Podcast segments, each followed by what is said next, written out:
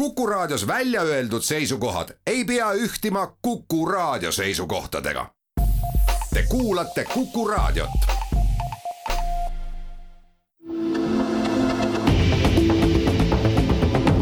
kahevahel. kahevahel igareedene intervjuusaade Kahe vahel alustab ja täna on ajakirjanikel Timo Tarve ja Ainar Ruussaar külaliseks välisminister Urmas Reinsalu, tere! tere, ilusat töönädala lõppu! hea Urmas, loomulikult me räägime välisasjadest ja, ja meid puudutavatest välisasjadest kõige enam, aga alustame ühest sisepoliitilisest kähmlusest, te olete Isamaa erakonna valitsusdelegatsiooni esimees. kas must kass on valitsusest läbi jooksnud ja musta kassi nimi on Keit Pentus-Rosimannus? Jah, selles asjas ma arvan, et äh, see valitsus jooksis lati alt läbi äh, ja see oli ka põhjus, miks me seda peaministri või noh, sisuliselt peaministri päevakorda pandud asja eile ei toetanud, sest ütleme ausalt ikka, see on ikka kõvasti ida pool kultuur, kus äh, on kellelgi ülesanne seadusest tulenevalt esitada üks kandidaat ja ta esitab, mõtles tükk aega, mõtles, käid maad läbi, mered läbi ja esitas iseenda. et kunagi oli arutelu selle üle, et ma mäletan, kas Trump tohib iseendale äh, armu anda, siis see mõjus naeruväärselt, noh nüüd on needsamad Maarjamaal ise need arutelukohad. aga mis siis saab? konsensust ei saavutata ja see on meie hea valitsustava praktika, et ikkagi konsensus tuleb kõikides küsimustes saavutada noh, see on tõsine probleem, mis ma ütlen, et äh, ta ei ole stiililt ei ole hea ja kindlasti ta koalitsioonikultuuri, äh, kultuuri ei tugevda Balti riigid on jõudnud ühiselt kokkuleppele, et turistiviisaga meid väisavatele Venemaa kodanikele on sissepääs meie riikidesse lõppemas. millal me siis võime öelda, et see oli viimane bussitäis turiste, mis üle Vene-Eesti piiri jõudis? ja selles osas on ka oma valmidust sellega ühineda meie poolt kindlaks määratud tähtajast edasi ka, ka Poola ja see kuupäev, mida meie valitsuse vaade on, et võiks jõustuda siis äh,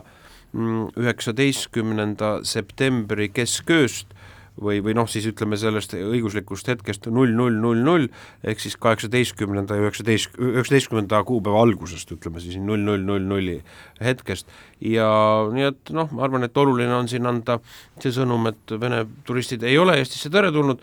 ja nad ei ole ka õiguslikult sisse lastud äh, alates äh, siis sellest kuupäevast samal ajal on meie põhjanaabrid soomlased teatanud, et nemad ei piira Venemaa tavakodanike reisimist oma riiki ja Põhjamaad on hakanud pelgama selle õiguspärasuses. Urmas, mis toimub ja mis mõte siis sellel regionaalsel erisusel on? ei, Euroopa Liidu välisministrite koosolekul äh, Poola ja Balti riigid sellest selgelt teada andsid, kõik riigid, kes ka sõna võtsid ja see võeti teadmiseks, äh, avaldasid sellele toetust, et riikidel on oma suveräänne õigus seda teha ja see on asjakohane kui see vist EU Observer oli see väljaanne, kust see hakkas levima, see oli, sai alguse tegelikult siis Põhjala ja Balti välisministrite kolmapäevasest Kaunase pressikonverentsist, kus nad eks siis midagi pidid ütlema ja selgitama, ehm, mis on see motiiv, et nad ei ühine. ehm, see iseenesest on see meie ühine tegevus avatud kõigile meie regiooni riikidele, me kutsume neid sellega ühinema, kahtlemata see on meie vaates õiguspärane ja tõsi, nad on, mitmed riigid ka meie regioonist on väljendanud soovi, et see tuleks teha üle-euroopaliselt, no üks küsimus on õiguslik kategooria, teine küsimus on, mis on siis õigupoolest tahteavaldus. ja ma usun, et kui ka mm, see mm, kanalid, turistide liikumise kanalid eeldatavasti siis ruumiliselt kujunevad ümber, ehk see võib ka mõningatki riiki panna noh, nii-öelda ümber hindama osaliselt senist praktikat aga mis siis siis tähendab, kas tähendab seda, et Helsingi laeva pealt või Berliini lennuki pealt võib ikkagi Vene turismiviisaga kodanik siia sisse tulla? no meie ülesanne on kahtlemata see, et praegu veenda eh, teisi meie regiooni riike eh, sarnast eh, käitumisjoont astuma, aga meie praegune otsus puudutas Schengeni välispiiri, see tähendab seda, et nii-öelda väljapoolt kuplist siis selles koridoris, kus me oleme, Äh, nii-öelda noh, siis see neem, mis on moodustunud siis äh, Balti mere äh, ja, ja mm, siis Valgevene vahel, et siis see neem sulgeda ja selle me üheksateistkümnendast septembrist sulgeme, kas nüüd Euroopa Liidu sees, on Vene Föderatsiooni kodanikel, kes on juba õiguspäraselt Euroopa Liidu sees, mm, kindlasti me oleme huvitatud üle Euroopa nende noh, nii-öelda liikumise ka olemasolevate viisade eh, kehtetuks tunnistamisest ja ja selle kohta ka Prahas meie ettepanekul äh, välisministrid toetasid, et ülesanne komisjonile on antud veel kord, te ajate nii kaunist diplomaadi juttu, ma küsin selguse mõttes, kas Voronežis elavad sugulased saavad tulla siis Eestisse, no mitte matustele, seal on, eks ole, humanitaarjuhtum erikaal, nad saavad ikkagi tulla, aga nad valivad lihtsalt teise tee? jah, meie otsus puudutas Schengeni välispiirilt sisenemist, mis tähendab seda, et kas õiguslikult, meie sõnum on selline poliitiliselt, et need inimesed ei ole siia teretulnud, Äh, aga küsimus on see, et kas meil on plaanis kehtestada Eesti välispiiril, ütleme siis sisepiiridele Schengenis piirikontrolli, seda otsust valitsus langetanud ei ole, ma ei välista ka seda, kui, kui me vaatame, kuidas see inimeste trajektoor kujuneb, aga seda hetkel vajalikuks ei ole peetud. noh, Euroopa Komisjon põhimõtteliselt leppis kokku selles, et, et ka äh, ka viisa nendes riikides, kus, äh, kuhu veel Vene kodanik sisse saab, äh, viisa läheb, äh, läheb kallimaks, aga mina küsin hoopis seda, et iga keelu või sanktsiooni puhul on erandeid. millised on need erandid, mida Eesti noh, Venemaa kodanikele, kes elavad Venemaal, aga tahaksid sealt lahkuda, teha saab või tegema hakkab, noh dissident või? Suhteliselt sama kataloog, nagu meil olid ja me leppisime need ka kokku nende riikidega, et need oleks ühetaoliselt kohaldatud, et ei hakka tekkima nii-öelda edasi-tagasi saalimist äh, erandite noh, erineva tasandi suhtes. nagu me oleme kehtestanud ka, kellele me ju iseenesest, me anname ka Vene kodanikele veel välja teatud eranditele viisasid ja need on siis ka need sissesõidukeelud on umbes samade puhul, kellel me ütleme, erandit teeme, diplomaadid, logistika seal, tulevad mingit seadet parandama, kolmandaks inimesed, kes tulevad oma lähisugulast vaatama, noh, ja neljandaks mingid humanitaarkaalutlused, nagu näiteks võib-olla kõige arusaadavam on matustele, ja järgmine näiteks on see ka, aga kahtlemata ka dissidendid, et see on loomulikult äh, objektiivse tõendamise küsimus, kuidas inimene noh, näitab seda, et kas tagakiusatud või ta on siis aktiivne režiimi vastustaja, aga meie põhimõte on, et neid inimesi käsitleda eranditena. härra välisminister, kui ma olen Venemaa kodanik, elan Katšinas, aga olen aastaid tagasi soetanud äh, ma ei tea, Kohtla-Järvele või Narva-Jõesuusse korteri ja tahan tulla nüüd sealt selle mulle kuuluva korteri aknalaualt tolmu pühkima, kas ma ei saa Eestisse? Kui teil on äh, Eesti välja antud viisa sellisel, sellel alusel, mida te olete taotlenud, et teil on kinnisvara Eestis, mida noh, varem enne seda nii-öelda sõjasõda faasi ju anti välja neid viisasid, siis see viisa on sanktsioneeritud ja selle viisaga te ei pääse Eestisse. äh,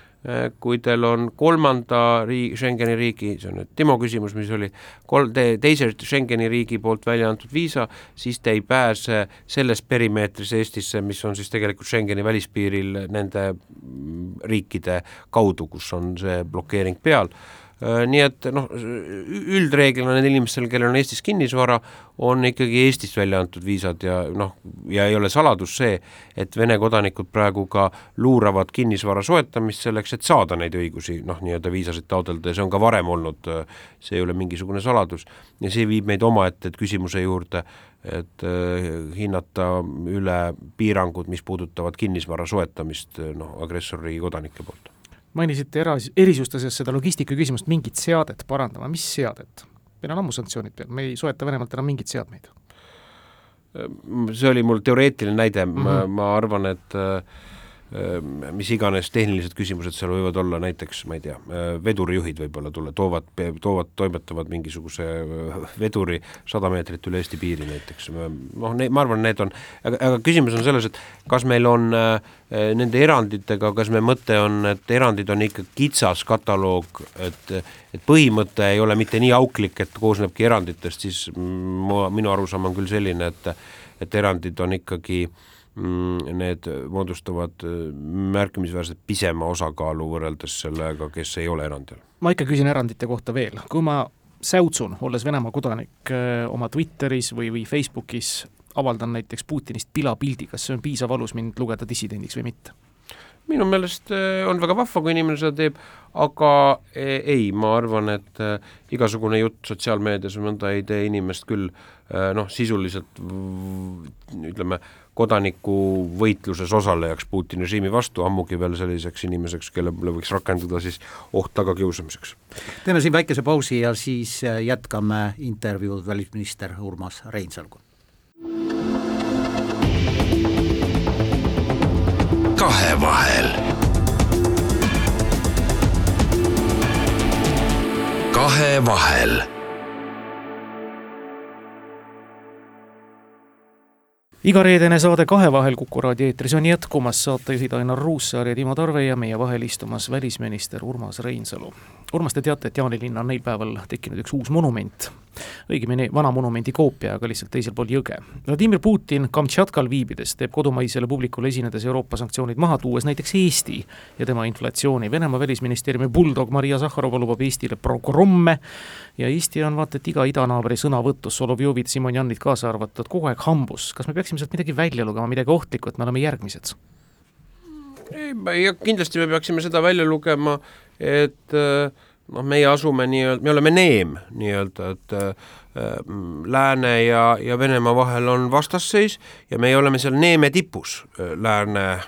saarel või, või poolsaarel. ja see mm, kahtlemata on ka veel eraldi kontekst, et me oleme üks häälekamaid ja põhimõttekindlamaid äh, Ukraina toetajaid ja see kutsub esile loomulikult Venemaa raevuka vastasseisu äh, me peame olema valmis äh, nende jätku, jät-, igasugu jätkuvateks provokatsioonideks, me oleme näinud siin küberrünnakuid, äh, mitte asjata ma ei ole korranud meie hoiatust, et inimestel igasugust liikumist vältida Vene Föderatsiooni territooriumile või kes seal ka ajutiselt on, et äh, naasta venituseta Vene Föderatsiooni territooriumilt, et Venemaa võib kasutada igasuguseid äh, inimmõist-, inimmoraalile, mm, mm, inimmoraalist väljuvaid meetodeid meie, meile haiget tegemiseks või meie mõjustamiseks, et kogu see retoorika kannab seda sammu, et meid sisemiselt hirmutada ja, ja muuta hapramaks, ebakindlamaks, aga vaadates ka Eesti ühiskonna käitumist, no ma arvan, et selle tulemus on, on küll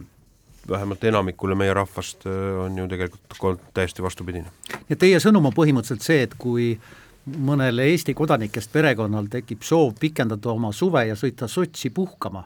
siis teie ei soovita? jaa, tungivalt ei soovita, me oleme näinud ju seda, kuidas Venemaa ei ole mingisugust äh, prakti-, ma, ma, ma nimesid ei meenuta, aga noh, praktika Venemaal on ka see, et täiesti vabalt võidakse fabritseerida kohtuasju inimeste vastu, lavastada neid süüdi sellele järgnevad niisugused asjad, inimesed sisuliselt võidakse võtta pantvangi, see ei ole mingisugune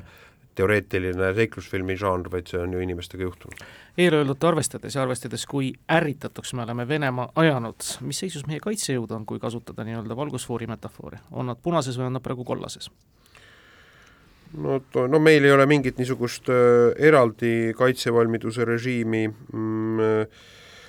välja kuulutatud äh,, sellel on ka üks põhjus, et mitte, et meil ei oleks nii-öelda ülimalt kõrgem noh, nii-öelda ohutaju ja aga, aga ka on selge see, et kui sa viid noh, kõrgseisundisse nii-öelda poolhäire seisundisse Kaitseväe, siis sa ei hoia su,, suuda seda kogu aeg hoida, et siis sul tegelikult see muutub töntsiks, et see nii-öelda kriitiline olukord, et kui kui peab olema vahetu sõjalise ründe oht oleks, siis siis ka loomulikult me seda viivitama, viivitused teeksime. kui me hindame nüüd nii-öelda sõjalist äh, laiaulatuslikku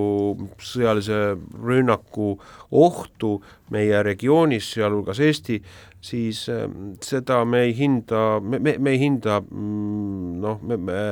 küll sel-, realistlikult äh, realiseerituks Venemaa poolt, sest tal, jättes kõrvale tema kavatsused, mis on noh, täiesti ju pöörased ja, ja, ja prognoosimatud, äh, need mõttekäigud äh,, siis äh, tegelikkuses ei ole seda piisavat sõjalist jõudu meie piiride taga äh,, kuna see sõjaline jõud on äh, on ju kõik kuhjatud meie piiride alt, niisugune ründejõud suuremahuline on kuhjatud Ukraina suunale. jah, praegu Pihkva diviisi võimalikust ohust ei ole praegu põhjust nagu rääkida, aga te tõstatasite, vähemalt nii lugesin ma uudistest välja, kohtumisel Balti ja Põhjamaade kolleegidega ka mõtte, mis mulle muide väga meeldib, mõtte luua eritribunal Venemaa agressioonikuritegude uurimiseks. Isegi kui selline tribunal luuakse ja keegi tagaselja süüdi mõistetakse, siis kätte me, me neid ju tänaselt Venemaalt niikuinii ei saa.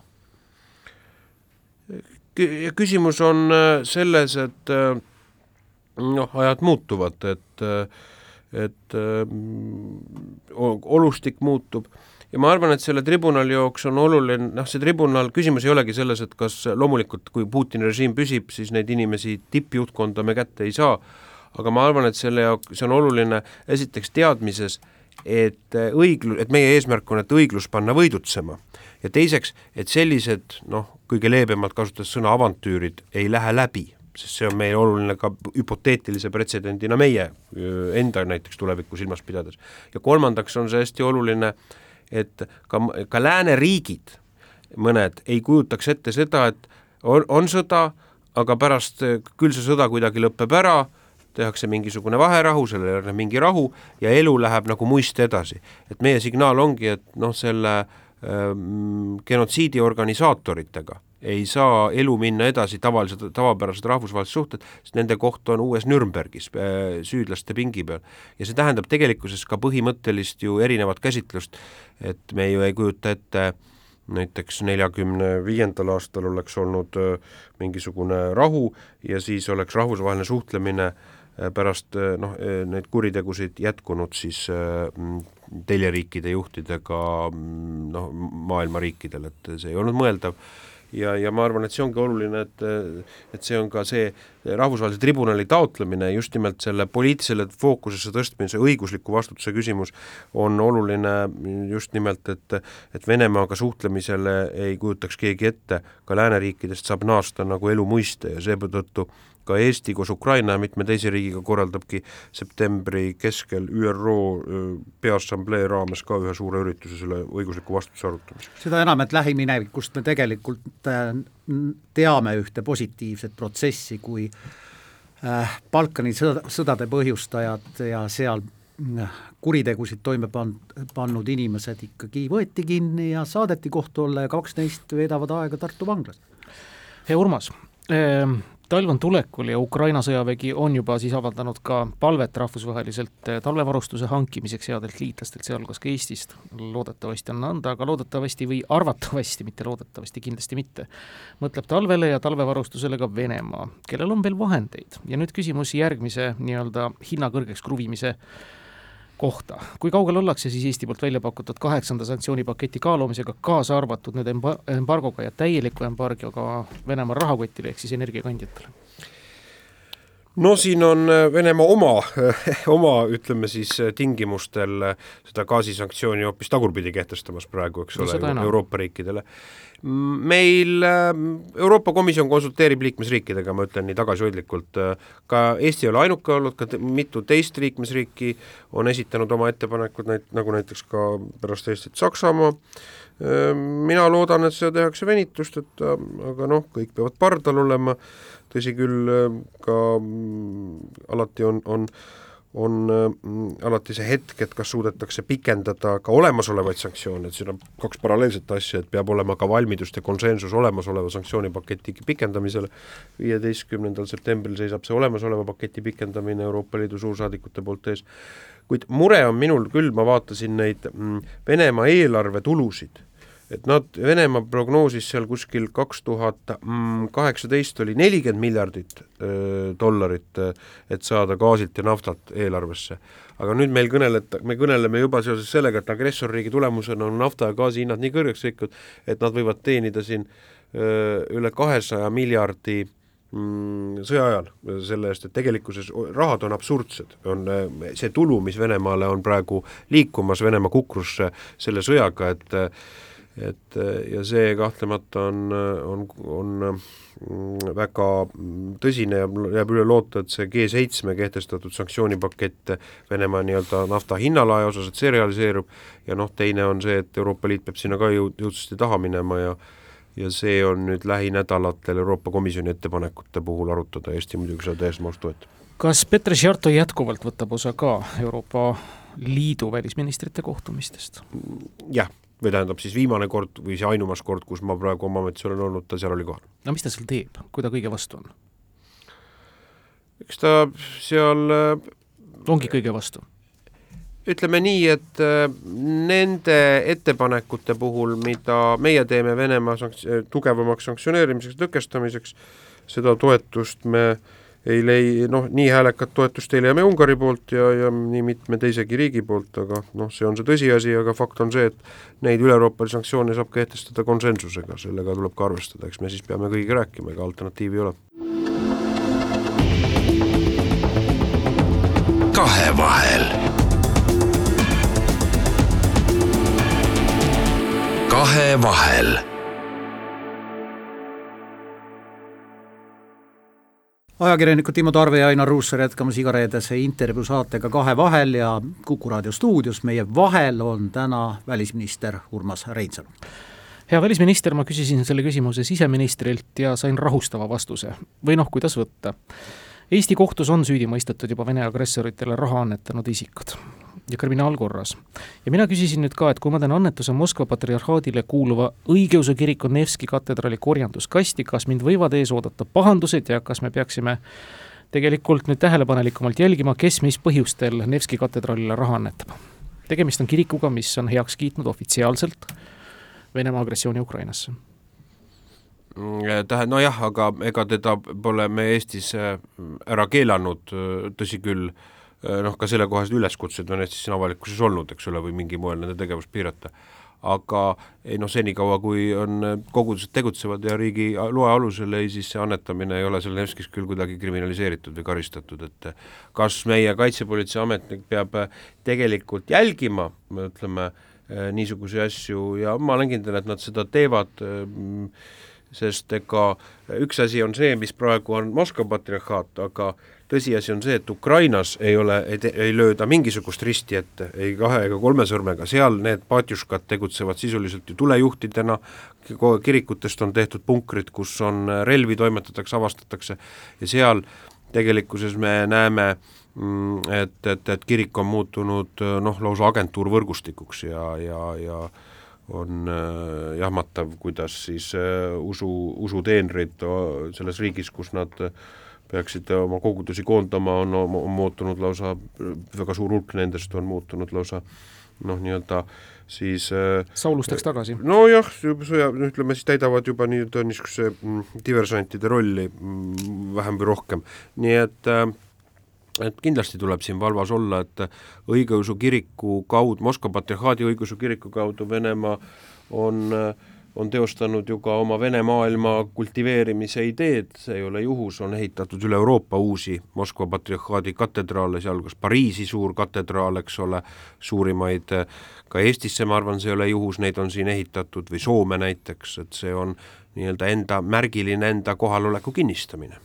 Me oleme mm, palju Venemaast rääkinud, aga ega me üle ega ümber ei saa. Äh, välisminister Reinsalu, te olete öelnud, et Venemaal on siiani mõju, mõjuvahendeid, millega panna mõnesid lääneriike endale soodsaid otsuseid tegema. no mida see õigupoolest tähendab või mida te õigupoolest silmas peate või keda te õigupoolest silmas peate, kuidas noh, meie ei lase ennast hästi mõjutada, kas või sellepärast, et meil on ajalooline mälu piisav, aga kuidas noh, kuidas Venemaa saab siis ikkagi Euroopa, arenenud Euroopa riike mõjutada, läbi mille, mille kaudu?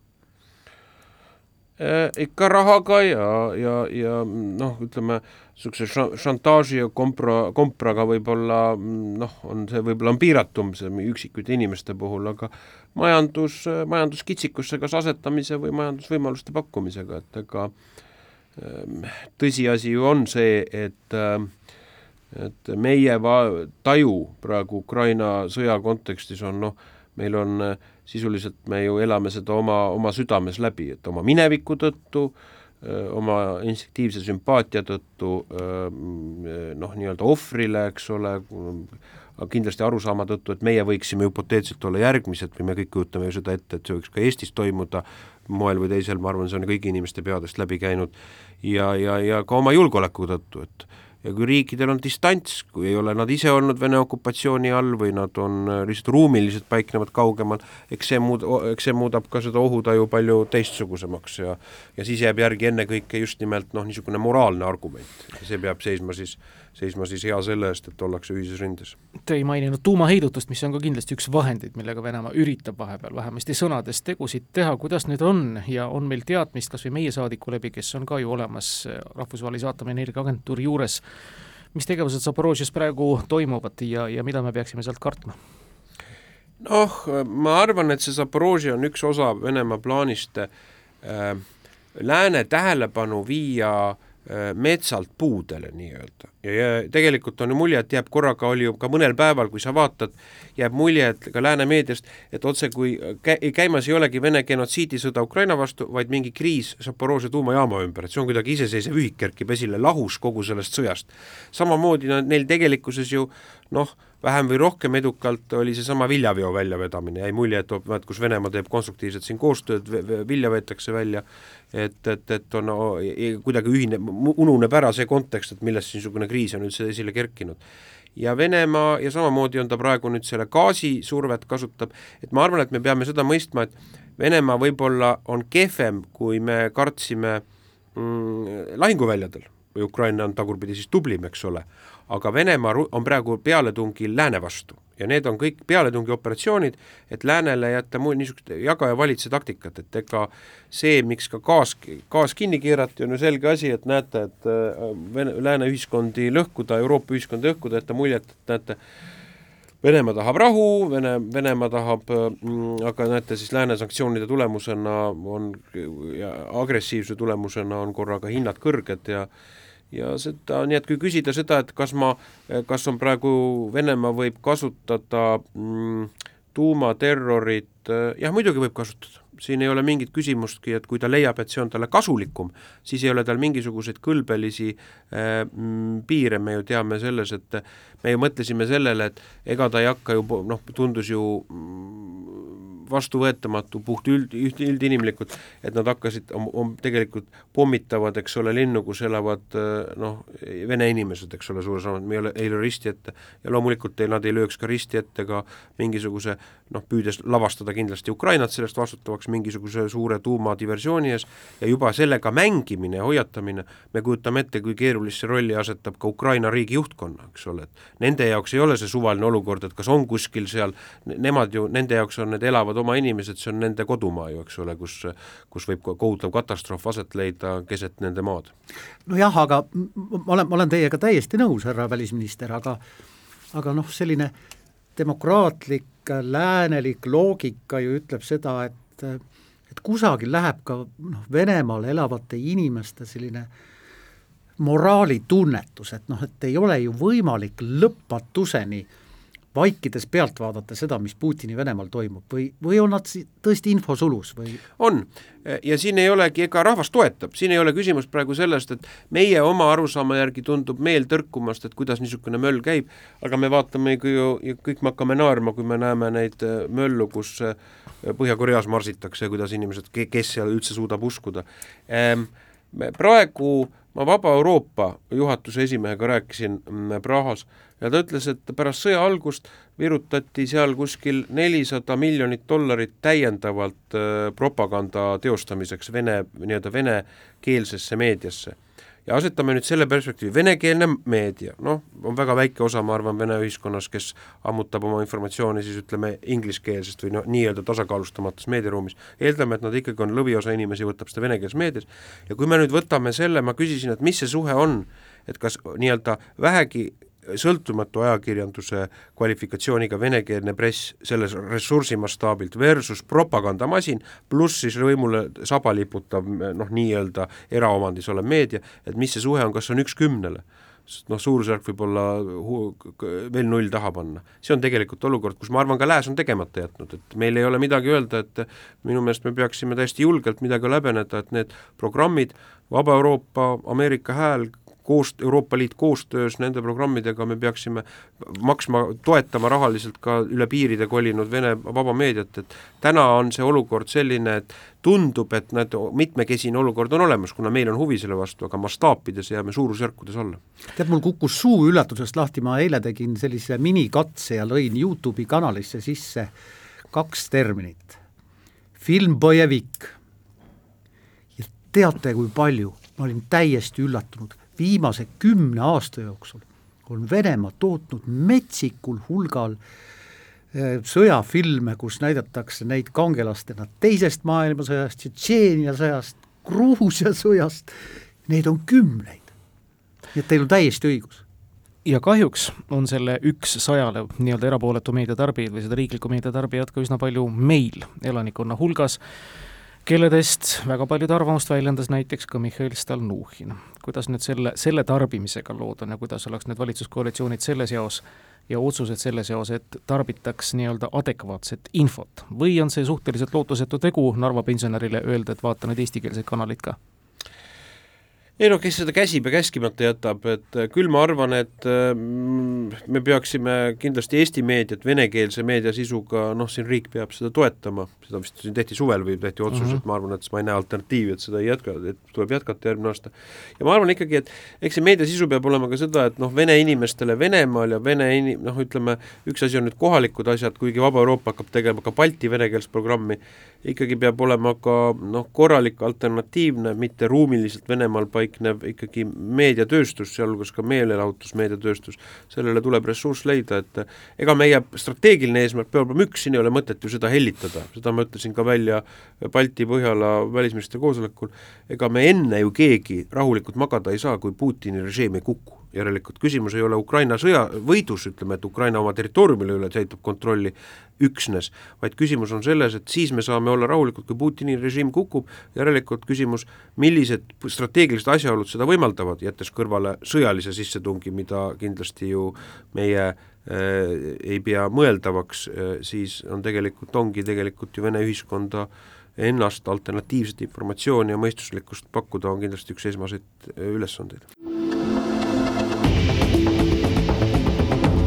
äh, ülesandeid kahevahel. kahevahel.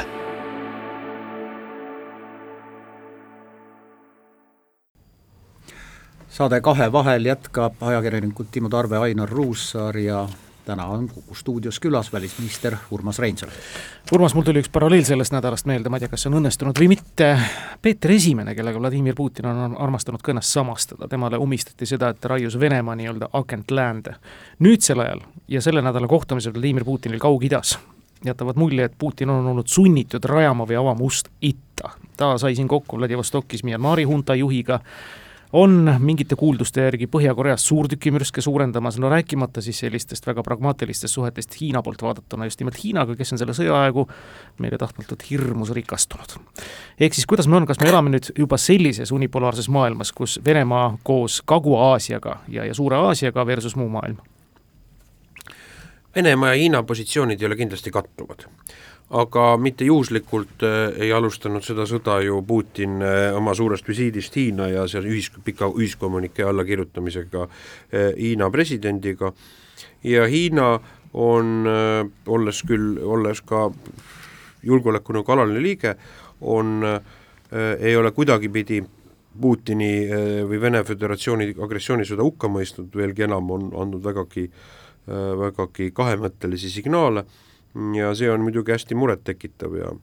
ja aga see oli kontekst, miks Eesti koos Lätiga pidas mõistlikuks sellest nii-öelda eraldi koostöö, Ida- ja Kesk-Euroopa riikide koostööformaadist Hiinaga väljuda ja eelistada koostööd Euroopa Liidu tasemel äh,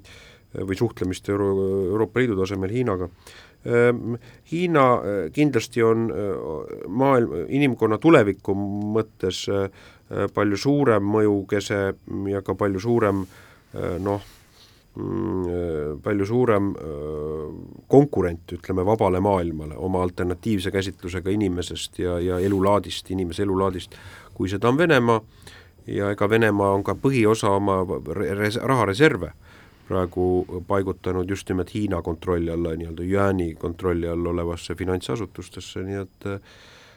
küllap need e-, erinevad Aasia riigid, nad ei tee, nad ei moodusta ka mm, niisugust ühtset seltskonda, aga loomulikult äh, see muutub, on noh, ütleme kindlasti jälgitakse nii mitmeteski maailma pealinnades äh, ka sugugi mitte ebamugavustundega, vaid pigem võimalusena nähes, et ka küsimus seda, et kui lääs läbi kukub, siis on neid rõõmustajaid on rohkem kui ainult Kremlis, et äh, ja kui lääs läbi kukub, siis lisaks sellele, et meil on noh, piinlik peeglisse vaadata tänastel põl-, tänasel põlvkonnal, aga ma arvan, järgmistel põlvkondadel on see üsnagi oluline läbikukkumine noh, ka selles rahvusvahelises konkurentsis või enesekehtestamises. teate, see tüli norimine erinevate riikidega on ikkagi täiesti naljakas, mul oli võimalus veeta natuke üle kolme nädala Iisraelis ja noh, seal elab ju rohkem kui neljandik inimesi, neid, kes räägivad vene keelt ja nende suhtumine Venemaasse pärast neid äh, Vene ladviku avaldusi, et Hitleri joontes oli juudi verd ja ja jumal, mida kõike veel, eks ole, äh, see suhtumine oli täiesti selgelt Putini vaenulik, mida ma varasematel käikudel sinna ei ole, ei ole täheldanud. Äh, miks Venemaa norib tüli, tüli näiteks Iisraeliga, no mille pärast? See on tõepoolest, kui see oli konkreetne seesama Lavrovi ja, väljaütlemine, see oli jah, jahmatav, sest ajalooliselt noh, pärast teist maailmasõda ja me teame ju ka mm, Nõukogude Liit iseenesest oli ju ta muutis alles hiljem oma positsiooni nii-öelda Araabia riikide meelest, oli ju tegelikult üsnagi äh, üsnagi toetav Iisraeli riigi loomisele, seda ei ole Iisraelis ära unustatud, ja kindlasti ka nii-öelda siis äh, noh, ka nii-öelda Nõukogude Liidu panuses, ütleme siis Hitleri Saksamaa üle, et see on aseta-, asetab äh, Nõukogude Liit, noh, Nõukogude Liidu pärandi või selle konteksti Iisraelis nagu väga spetsiifilisse ja teistsugusesse tunderuumi see on mm, jah, ma arvan, et see kindlasti ei olnud, ütleme, jättes kõrvale igasuguse kõlbelise laadi, see kindlasti ei olnud Venemaale kasulik tee, oli talle täiesti arusaamatu, see oli ka põhjus, ma mäletan, et e, Venemaa vist seda mõistis, kas Lavrov ise või oli see Putin avaldas kahetsust mingisuguses diplomaatilises formuleeringus, ta kuidagi parafraseeris seda ümber ja püüdis seal siluda, noh, ütleme siis diplomaatilises stiilis, aga sisuliselt ikkagi vabandas kui me nüüd räägime üldse laiast maailmast, siis mis elu see lai maailm viib elada, kas valitakse ikkagi üsna praktiline pool enda poole, kui me räägime siin arenguriikidest, Euroopa Liit, see Eesti sealhulgas lükkas ju käima väga suure Aafrika strateegia lootuses nii-öelda heanaaberlikku mõju sinnapoole suunata vahendit ja koostöö ja kõige muu säärasega, seda üritavad kõik teha, kellel vähegi raha ja võimalusi on, Hiina on juba siin aktiivselt ka mandrilt toimetamas, kas need tegevused on Euroopa poolt vaadatuna soiku jäänud? Ei, vastupidi, et ega võitlus käib ju kõigi maailma riikide südamete pärast, noh, see ei ole maailmasõda, aga see on ikka sõda maailmas. Ja noh, energiahindade või energiavõitlus, ressursside võitlus on see ka, selgelt on ta ka maailma majandussõda, siin ei ole mingit küsimust. ja mm, nii-öelda emissaridena käivad äh, nii Venemaa riigijuhid, äh, lääneriikide riigijuhid ka Aafrika riikides selgitamas oma positsioone. Ja, ja Venemaa kindlasti äh, kavatseb korraldada ka järgmisel aastal selle Aafrika-Venemaa suure tippkohtumise ja püüab loomulikult äh, rahaliselt mõjutades oma noh, tasakaal, ütleme, leida omale äh, mitte nüüd niivõrd liitlasi, kuivõrd ka tugipunkte, et ega Venemaa taktika on olnud ju siin läbi aastate püüd-, püüda konflikte viia tek-, kus võimalik on tekitada segadust, pahandust konflikti, kus võtta nii-öelda sillapea, millega on võimalik läänega kaubelda või peavalu valmistada. ja ma olen päris kindel, et lisaks sellele, et oma liitlasi otsida seal kaubeldes, kaubeldes siis äh, erineva ressursiga, alates seal Wagneri teenustest ja lõpetades äh, reaalselt rahaga, mm, siis on, tegutsetakse kindlasti ka selle perspektiiviga, et püüda üles ehitada konflikte äh, mujal maailma otstes, kuhu, kus läänemaailma tähelepanu ära siduda ja kuhu see meid lõpuks siis välja viib või kes sellest nii-öelda maailma majandussõjast, kelle mõjuvõim pääseb siis lõpuks maksvusele ja kas me elame siis lõpuks ikkagi noh, Aafrika mõistes sinnapoole tähenduses, et riigid, kus ütleme, keskvalitsus kontrollib vähe riigis toimuvat, et äh, kes millisele suguharule piltlikult öeldes kõige rohkem maksab? no mis siin suguharudest rääkida, siin on demograafilised trendid on inimkonnal ju teada ja näha, et ega siis läänemaailma osakaal tõmbub äh, suhteliselt noh, nii-öelda kohutava kiirusega väheneb ka majanduslik mõju, erikaal selles kontekstis väheneb ja